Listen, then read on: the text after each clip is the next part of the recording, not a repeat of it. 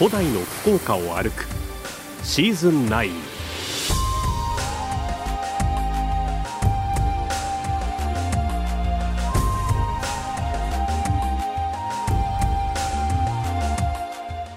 遥かな昔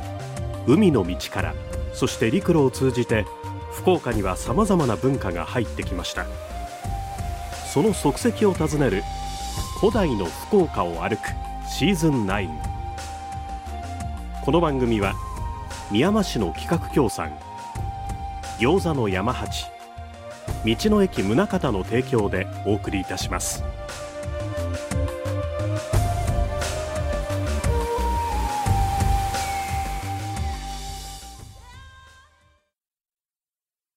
こんばんは坂田修大です。今週も糸島の伝説を紹介しながらその伝説地を訪ねる糸島の伝説地を歩くをお送りいたします。ご案内を糸島ふるさとガイドの皆さん三笘節代さん岩田久美子さん西本誠二さんそして糸島ふるさとガイド会長の吉丸勝彦さんにお願いしました。なお糸島の伝説は糸島新聞社発行の改訂版糸島伝説集を参考にお送りいたします。今週はやけどんの火火は燃える火と書きますがこの物語からご紹介いたします。物語の場所は小さな山の中です。案内していただくのは西本さんです。えー、クモの巣がたくさんかかっておりましてその蜘蛛の巣を避けながら登っていきます、えー、ちょっと険しい山道です。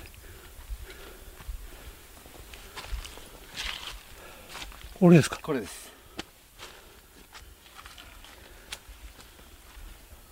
あこれは石ですか？石、ね、石ですね、はい。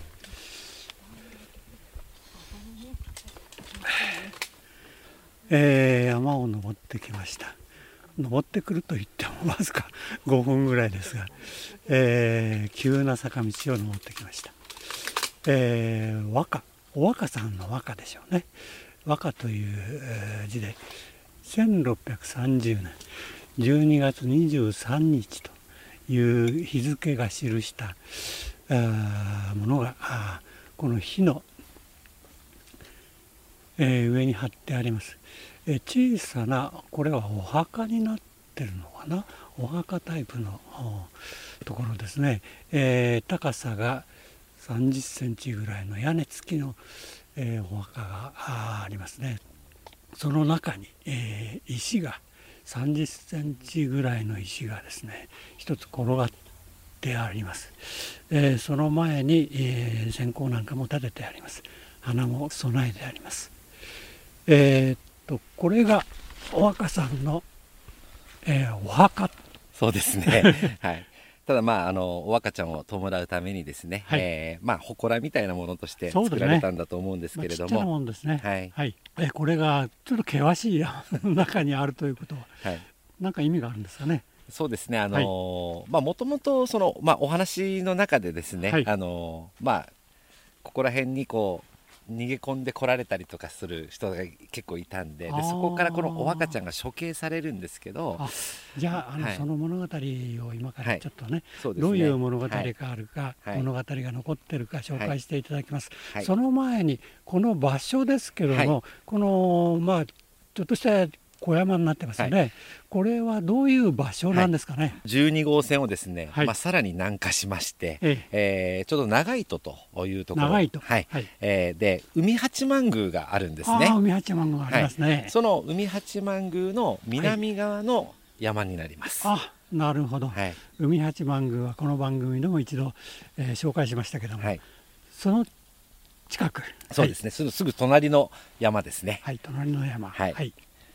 はい、えー、そこに、えー、どういうお話が残されてるんでしょう、はい、そうですね。これは今から約400年ほど前ですね、はい、えー、江戸時代のちょうど初めの頃になるんですけれども、えー、この頃ですね、まあ、非常にあの毎年のように干ばつとですね、はい、それから洪水が交互に起こってですね、はい、まあ、この長糸地区もですね、まあ、ひどい飢饉に襲われることになるんですね、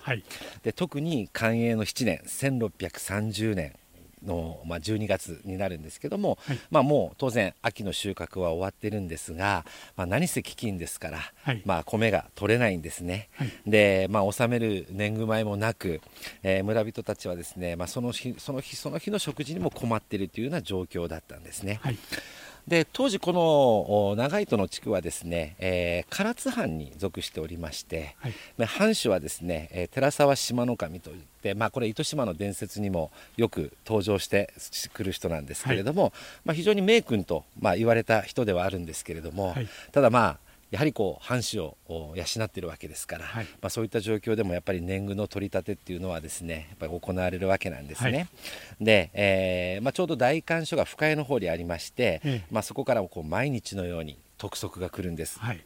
で、えー、この辺りのお百姓さんたちはですね、まあ、なんとかあ米をかき集めて運ぶんですけれどもこの長糸の特に川月村というですね川月村、はい。はい、の平右衛門さんというお方があるんですけども、はい、まあ、その家がですねもう全く米が取れなくて。はい、はい、で、まあ、一家3人なんですけれども、まあ、お食事はですね、まあ、冷えとか泡とか、まあ、そういった雑穀ばかりで、はい、やっとこう命をつないでいるという状態だったんですね、はい、でそういう状況の中で12月の23日に、まあ、大官所からですね大勢の役人が、まあ、見聞に来るわけです。はいはい、で、えー、もう本当にですねもう本当に納屋の隅っこを掘り尽くしてもですね、ええ、もうとにかく米を持って帰ると。まあ、そういったようなですね感じでやってくるんですけども、はい、まあ不意をつかれた、まあ、人々はですね、はい、慌ててこう山の中に逃げ込むんですね、えー、その時にその平右衛門さんの、まあ、一人娘のお赤ちゃんだけがですね、はい、はい、まあ、逃げ遅れるんですよ。すね、はい、まあ、一時は一緒に逃げるんですけども、えー、まあ、そのお赤ちゃんがですねこう旗織りをしてたらしくてですね、えー、まあ、その布地がですねこう気になってそれを取りに戻るんですね。でその時に役人に捕まってしまうと。はい、でその後お赤ちゃんはですね、えー、この後ですねその長野川ありますけども、はい、そこの河原まで連れて行かれてですね、ええ。ー、まあ、見せしめのようにですねこう丸田んぼにですねこう羽交い締めにしてこう吊るされるんです。はい、で、えーまあ、四方の山に向かって役人たちがですね、え。えー出てこいと、はい、はい、あのそうしないとこのお若を殺すぞというようなことでですね、えー、山中に向かって呼びかけるんですよ。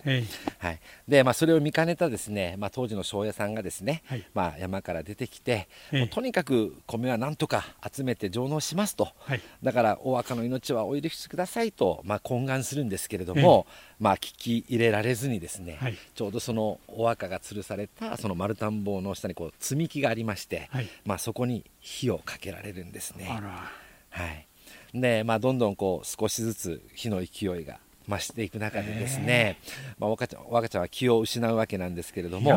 そうですね、はい、でその時にですねあのその深谷大観所のある深谷の方からですね、はい、一気の葉山が来るんです。ほうほうほう。はい、で馬上からですね、待てと。その処刑は待てと、お殿様からの差し止めだということでですね、はい、えー、なんとかその処刑を中止させようと来るんですけども、はい、ちょっと遅かったんですね、もうその時にはこうもう和歌の着物にまでですね火がはい、燃え移りましてもう息絶えてしまってたんですね。はい。でまあその後ですね、まあ、お役人さんたちはその、まあお墓のご遺体をそのままにしてこう帰っていくんですけれども、はい、まあ、それを見て山々に逃げていた村人たちが出てきてですね、はい、まあ、嘆き悲しむんですよ、お墓の遺体を取り巻いてですね。でお墓の両親もですね、はい、えー、実はその光景をですねあの山から見てたんですけども。耐えられませんね、はい、でまあ、自分の娘ですから、当然こうもう出ていこうとするんですけれども、えー、まあ今言ったら殺されるということで、はい、やっぱりこう周りの人からこう止められるんですね、えー、ただまあ実際にこう目の前で、はい、愛娘が殺されるというような光景を見てしまったものですから、はい、まあ、結局ですねその両親もですね、えー、この夜ですねその日の夜にですね、まあ、近くの木で木にこう首をつってですねお若の後を追ってしまったというはい、はいでやっぱりそれからですねこの辺り一帯で、まあ、夜な夜なですねこうやっぱり火の玉が飛ぶのが、はい、はい、見られたそうで、まあ、その日のこと火の玉のことを焼け丼の日というふうに呼んだそうなんですね。はい、はい、でまあそのお若さんのまあ、供養なんですけれども、はい、まあ、近隣の方々によってずっとこう守り伝えられてきておりまして、はい、まあ、この今目の前のお祠お祠もですね、はい、まあ、そういったことで建てられたと思うんですけれども、はい、あの12月の23日がちょうど命日になりますので毎年その日はですねあの団子汁をお供えするというのがなんか慣例になっているそうです。はい。えー、このお若さんの祠ですけども、はい。えーまあ、林の中にポツンと一つ、はい、えー、ありますね、はい、下はあの石で、えーまあ、四角い石で、えー、丈夫に立ってるように、えー、敷いてあるんですけどもその前に、えー、お線香とかですねお団子とかあ揚げてあります、えー、正面にお和歌という、字で書いてありましてお若さんの、えー、祠っていうのが分かります。12月23日が命日ということですね。い、うふうに、書いてます。小さな祠大体そうですね3 4 0センチぐらいの、まあ、屋根付きの祠になってます。えー、そういうはい、今はあの木が茂っても全く見えないんですが、当時はですねここからそのお若が処刑された長野川の川原がですね見えてた、はい、見えてたそうですね。はい。今後ろに竹林がね、はい、うっそうとした竹林が茂っておりまして、何も見えませんね下の方はそうですね。ええー、この下の方に長野川があったとい。うことですね。はい、はい、川付きの山に残る、えー、お墓の墓ということで物語を紹介しました。ここまでが糸島の伝説です。ここで案内していただいている糸島ふるさとガイドの岩田久美子さんに糸島の小富などと呼ばれる茅山の魅力について聞きます。お話を伺ったのは近くに糸国歴史博物館がありその遥か先に茅山が見える畑の中でした、えー、岩田さんここからですね茅山の眺めは本当に素晴らしいんですね。えー、っと今板国歴史博物館が横にありますけどもそこから海の方を眺めますと茅屋山がずっと遠くに見えますがねここの景色素晴らしいですね。そうですねあの茅屋山はですねあの富士山の形をしていると裾野が広がってですね、ね、はい、ミニ富士山というような形でですね、えー、あの糸島富士とか筑紫富士とかですね、はい、あの富士山の名前をですねつけて呼ばれることが結構ありまして、はい、それとまあ標高がですね、はい、365メートル365メートルと非常に覚えやすい名称、そうなんです。はい、一年と同じということで、えー、一年山とも呼ばれております。はい、一年山とですね、はい、あのまあニックネームですよね。呼ばれることありますけれど、はい、この茅屋山の茅というですね名前、はい、これはですね、ええ、朝鮮半島今の韓国ですね、はい、えー、韓国はですね、えー、古来ですねその朝鮮半島から、はい、あこちら糸国あの、え糸島のですね日本、はい、和国に、えー、来られた方々が、はい、ふるさとのですね、えー、茅屋国。の茅山、ですね、はい、大きな山がありますよね、えー、こういう独立法ではないんですけど、はい、それを忍んで、えー、名付けたとも言われております。あそうですか、はい、えー、この頂上からの眺めってのも素晴らしいんでしょうね。そうですね。あの何せですね糸島半島ですね、限界灘に突き出た独立法です、はい、ですのでねもうてっぺんに登ればもうお山のてっぺん大将のような気持ちになですね してくれます。ええ、さあ眺望がもう360度ですね。360度。はい。はい、あのー、で糸島はですね、はい、あのー、まあ佐賀県境をですね南側にしておりますし、その県境になりますセブリ山系ですね。はい、そのセブリ山系のまあ、岩原山とか雷山とかがですねよくですね、はい、あの山登り好きな方に行かれておりますけど、はい、この茅山はですね、はい、その糸島半島の真ん中っていうかちょうど海に突き出た形で、はい、えでーんと座っているような形のですね、はい、あの山で一番目立つ山です糸島で、はい、はい。はい、だからですねまあ糸島のシンボルの山と言っても間違いないかなと私は思ってるんですけどね。雷山岩原も有名ですけれどこの茅山はですね、糸島のどこからでもああ茅山だと分かります。うん茅山の上から眺めますとさらにあの朝鮮半島の、えーまあ、島々も見えるんでしょ？はい。何よりもですね、真下がもう限界灘です。あ限界灘はい、はい、あのー、白波のですね、はい、えー、息吹が聞こえてくるようなですね、えー、あのー、眺望になります。はい、はい、それで、えー、ずっと海の向こうを見ますとですね、はい、えー、唐津の方の島々、はい、あ壱岐対馬もかすかに見えますし、はい、えー、東に向かって福岡市の方ですねもし鹿の島とかですね、はい、えー、小呂の島かなり遠いんですけど小呂の島、はい、はっきり見えます。さらにですね、はい、あのですね新館以外何人とも立ち入ることができないと言われる世界遺産、沖ノ島。沖ノ島。はい。ラッキーな時もう運が良ければですこれは、えー、はい。これは運が良ければ見えるとい。うことです。はい、その365メーターの山ですけども、えー、女性の足でどのぐらいで登れるんですか頂上まで？そうですね。大体まあ私で1時間半ぐらいをこれゆっくり登ってですねゆっくり登って、はい、それで1時間半とあの見ています。上りがですね、はい、で下りはもう1時間もかからずに降りてきますけれども、はい、まあこれは人それぞれでですね、はい、あの岡谷さん階段も多くて急なところもありますけれど、あのまあゆっくり歩けばどなたでも頂上にたどり着けます。あそうですはい、ファミリーがよくね、あの好んで来られる山でもあります。はい、えー、っと岩田さんこれまでにどのぐらいこの赤谷山には登ったんですか？そうですね。今もう私たちの仲間ではですね、ええ、11月には600回を迎え迎えます。だから私が300ぐらいから参加しておりますので、まあ、うん、300回ぐらい、まあ、いえ300までいかないと思いますけど、まあそれに近いほどですね。ええ、はい。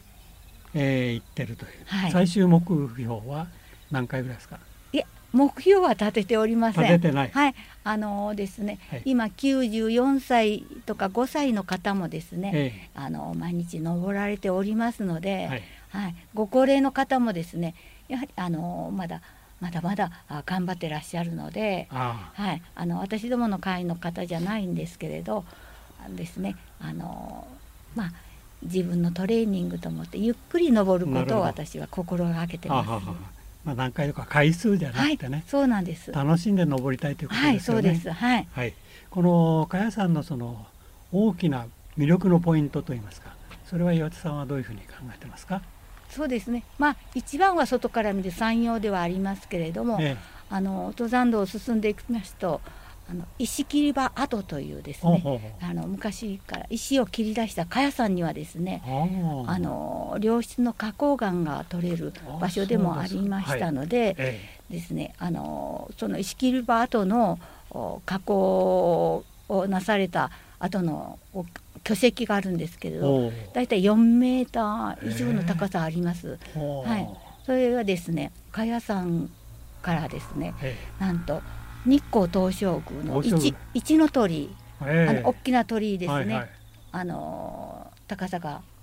9メートルですか、はい、いやあと幅が14メートルとか、はい、あ聞いてますけれどあの鳥居はですねえこの茅山から運ばれたもの、はい、えあの黒田長政がですね、新軍家康公のために、はい、えー、この筑前から運んでいったと言われていますのでね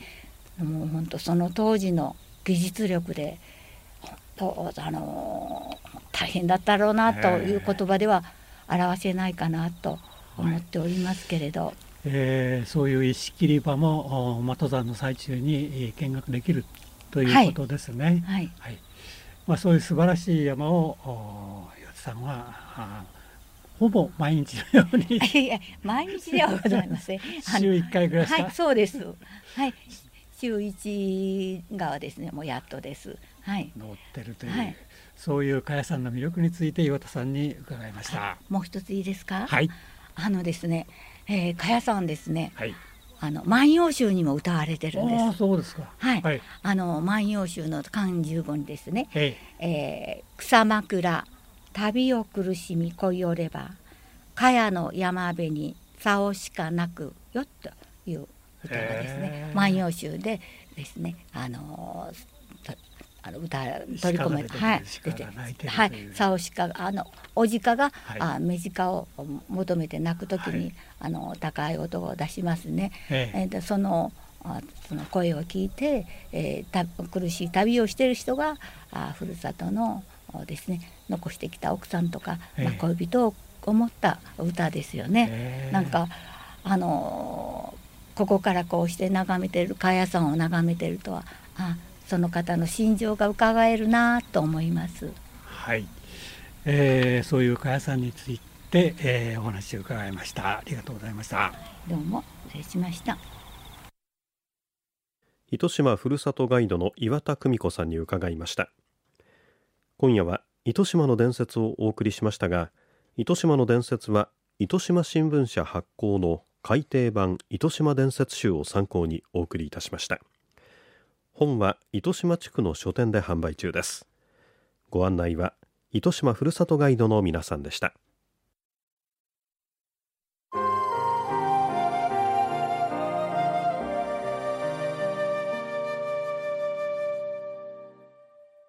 ここで古代の福岡を歩くリポーター中島理恵さんです。こんばんは。今日は糸島に出かけた古代史ファンなら絶対に食べてほしい糸島メーカーお菓子をご紹介したいと思います、はい、もなかの糸の鏡っていうんですが、ね、これあの糸国歴史博物館に常時展示されてます。国宝内向家紋八葉鏡を模したもなかなんです。今手元に持ってきました。これあの本当に同郷ですね姿が。そうなんですよ。見事に形が彫り込まれてまして、えー、直径が？これね6.5センチあります、ね、召し上がってみてください。いただきます。うん。うん。お。おあんこが私好みですよこれ。うん。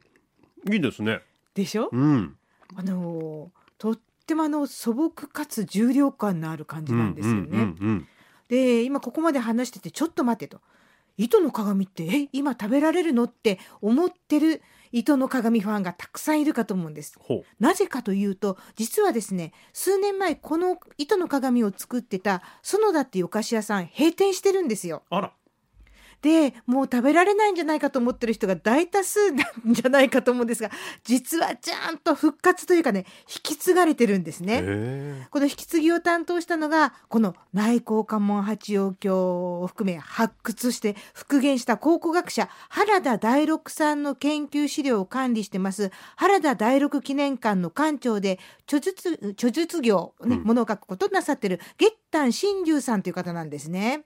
でこの作る時に園田もともとの菓子屋さん直伝直伝の製法、まあ、手練りのあんでこのもち米製の種外側の皮ですねなんとも香りがいいんですけれどもやっぱり食べた人からこんな風に言われるそうです。でこれよく言われますのが近年のその何でしょうかこうふんわりとかそういったものとはちょっと違って、まあ、昔のもなんかこんなだったねってよく言われます。なんかねふっくらした味わいで小豆が美味しいですよ。甘すぎないのもいいですよ、う。ん、でねこれ閉店する時にお願いしてこの金型を譲り受けたんだそうなんですけどね50年経っても全然歪みがなくってあの素晴らしい出来なんだってゲッタンさんおっしゃるんですね、はい、でもともとその園田さんお菓子屋さんが作る時にこんなエピソードがあったんだそうです。でこれ自体もやっぱ作られる時にはこの白者の原田大六にその園田さん自身が許可もらいに行ったって聞いてます。その当時はやはり発掘者の原田大六っていうのはもう大変な意向を持った人でしたからですね。大六先生に許可もらわなもう何も進まんということでまずはそんなふうにされたそうですよ。大六先生はこれ、はい、すんなりよし。はいあのよかよって言ってらっしゃそうです。それで大六先生もまたその全国にやっぱ講演行かれてましたんで当時はですね必ずこの糸の鏡をお土産にしたそうです。ね名刺代わりにお土産に持っていけますね。で、うん、これを、まあ、資料はねもちろんそのゲッターさん管理してらっしゃるんですけどお菓子まで復活っていうか引き継いだ理由についてこうおっしゃってました。これ始めた理由っていうのは、もちろん原田第六記念館館長でしたからですね。これ譲り受けた当時から。あの原田第六の香りがするものは全部保存したいと思ったんです。どんどんなくなっていくんですよすごい。でしょ？う、え。ー、で本当に見事な形の出来具合なんですけれどもあの実際に今ですね内向関門八億の写真と、はい。の中とね見比べていただければと思うんですが。お見事ですねこれ、えー、見どころをねゲッタンさんに聞いたらもともとの鏡は直径が46.5センチで大六さんはねこの鏡のことを三種の神器の一つあの伊勢神宮にご神体として伝わってる八田の鏡と全く同じ鋳型から作られたものだって考えてらしたんです。さらにこんなことを聞かせてくれました。このモナカの中心から8個のこの葉っぱ状のもの模様が出てることに気づかれると思います。でそれがまさに八葉でしてですねでこれは実はあの鎌倉時代の伊勢神宮の神官が残した書物にあの実験した見たっていうふうな記録があって本当は見ちゃいけないんだけれどもそこではですね八頭花咲八葉型って書いてますね。同じ鉢の葉っぱ。でこれは別に偶然の一致とかでもなくてからあの、まあ、考古学的な見方をしたのと現代人はそれが昔の人も同じように8つの葉っぱって見たようですね。でこれからもしてもその内向関門八葉経という平原弥生古墳平原一号墓から出土した鏡が八田の鏡だっていうことのまあある種の証明傍証となるのではないかと原田大六は考えました。なことを考えながら食べると味わい深いでしょう。ねえー、これ数個だったらですね前原商店街にあります本屋さん。糸島の顔が見える本屋さんで、えー、常に買えます、えー、本屋さんで買えます、ね、はい、この本屋さんまた面白いんで後日ご紹介しようと思うんですがまとめ買いとかあの大きい直径13センチのサイズがあるんですがこちらが欲しい人は原田第六記念館の公式インスタグラムからお問い合わせください。中島理恵さんでした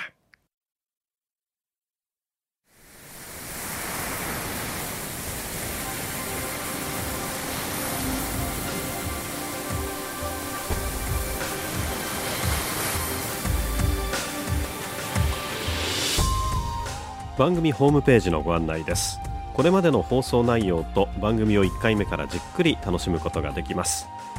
RKB ラジオのホームページの古代の福岡を歩くシーズン9のバナーをクリックしてください。またラジオクラウドという無料アプリをダウンロードすればスマートフォンやタブレットでもお楽しみいただけます。この番組は宮間市の企画協賛餃子の山八道の駅宗像の提供でお送りいたしました。ご案内は坂田修大でした。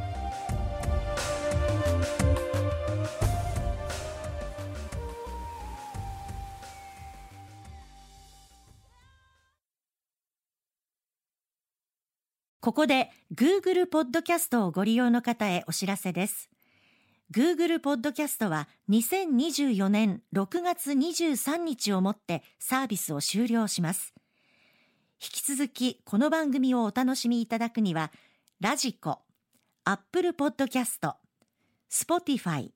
Amazon Music、YouTube Music、いずれかのアプリをご利用ください。これからも RKB ラジオのポッドキャストをお楽しみください。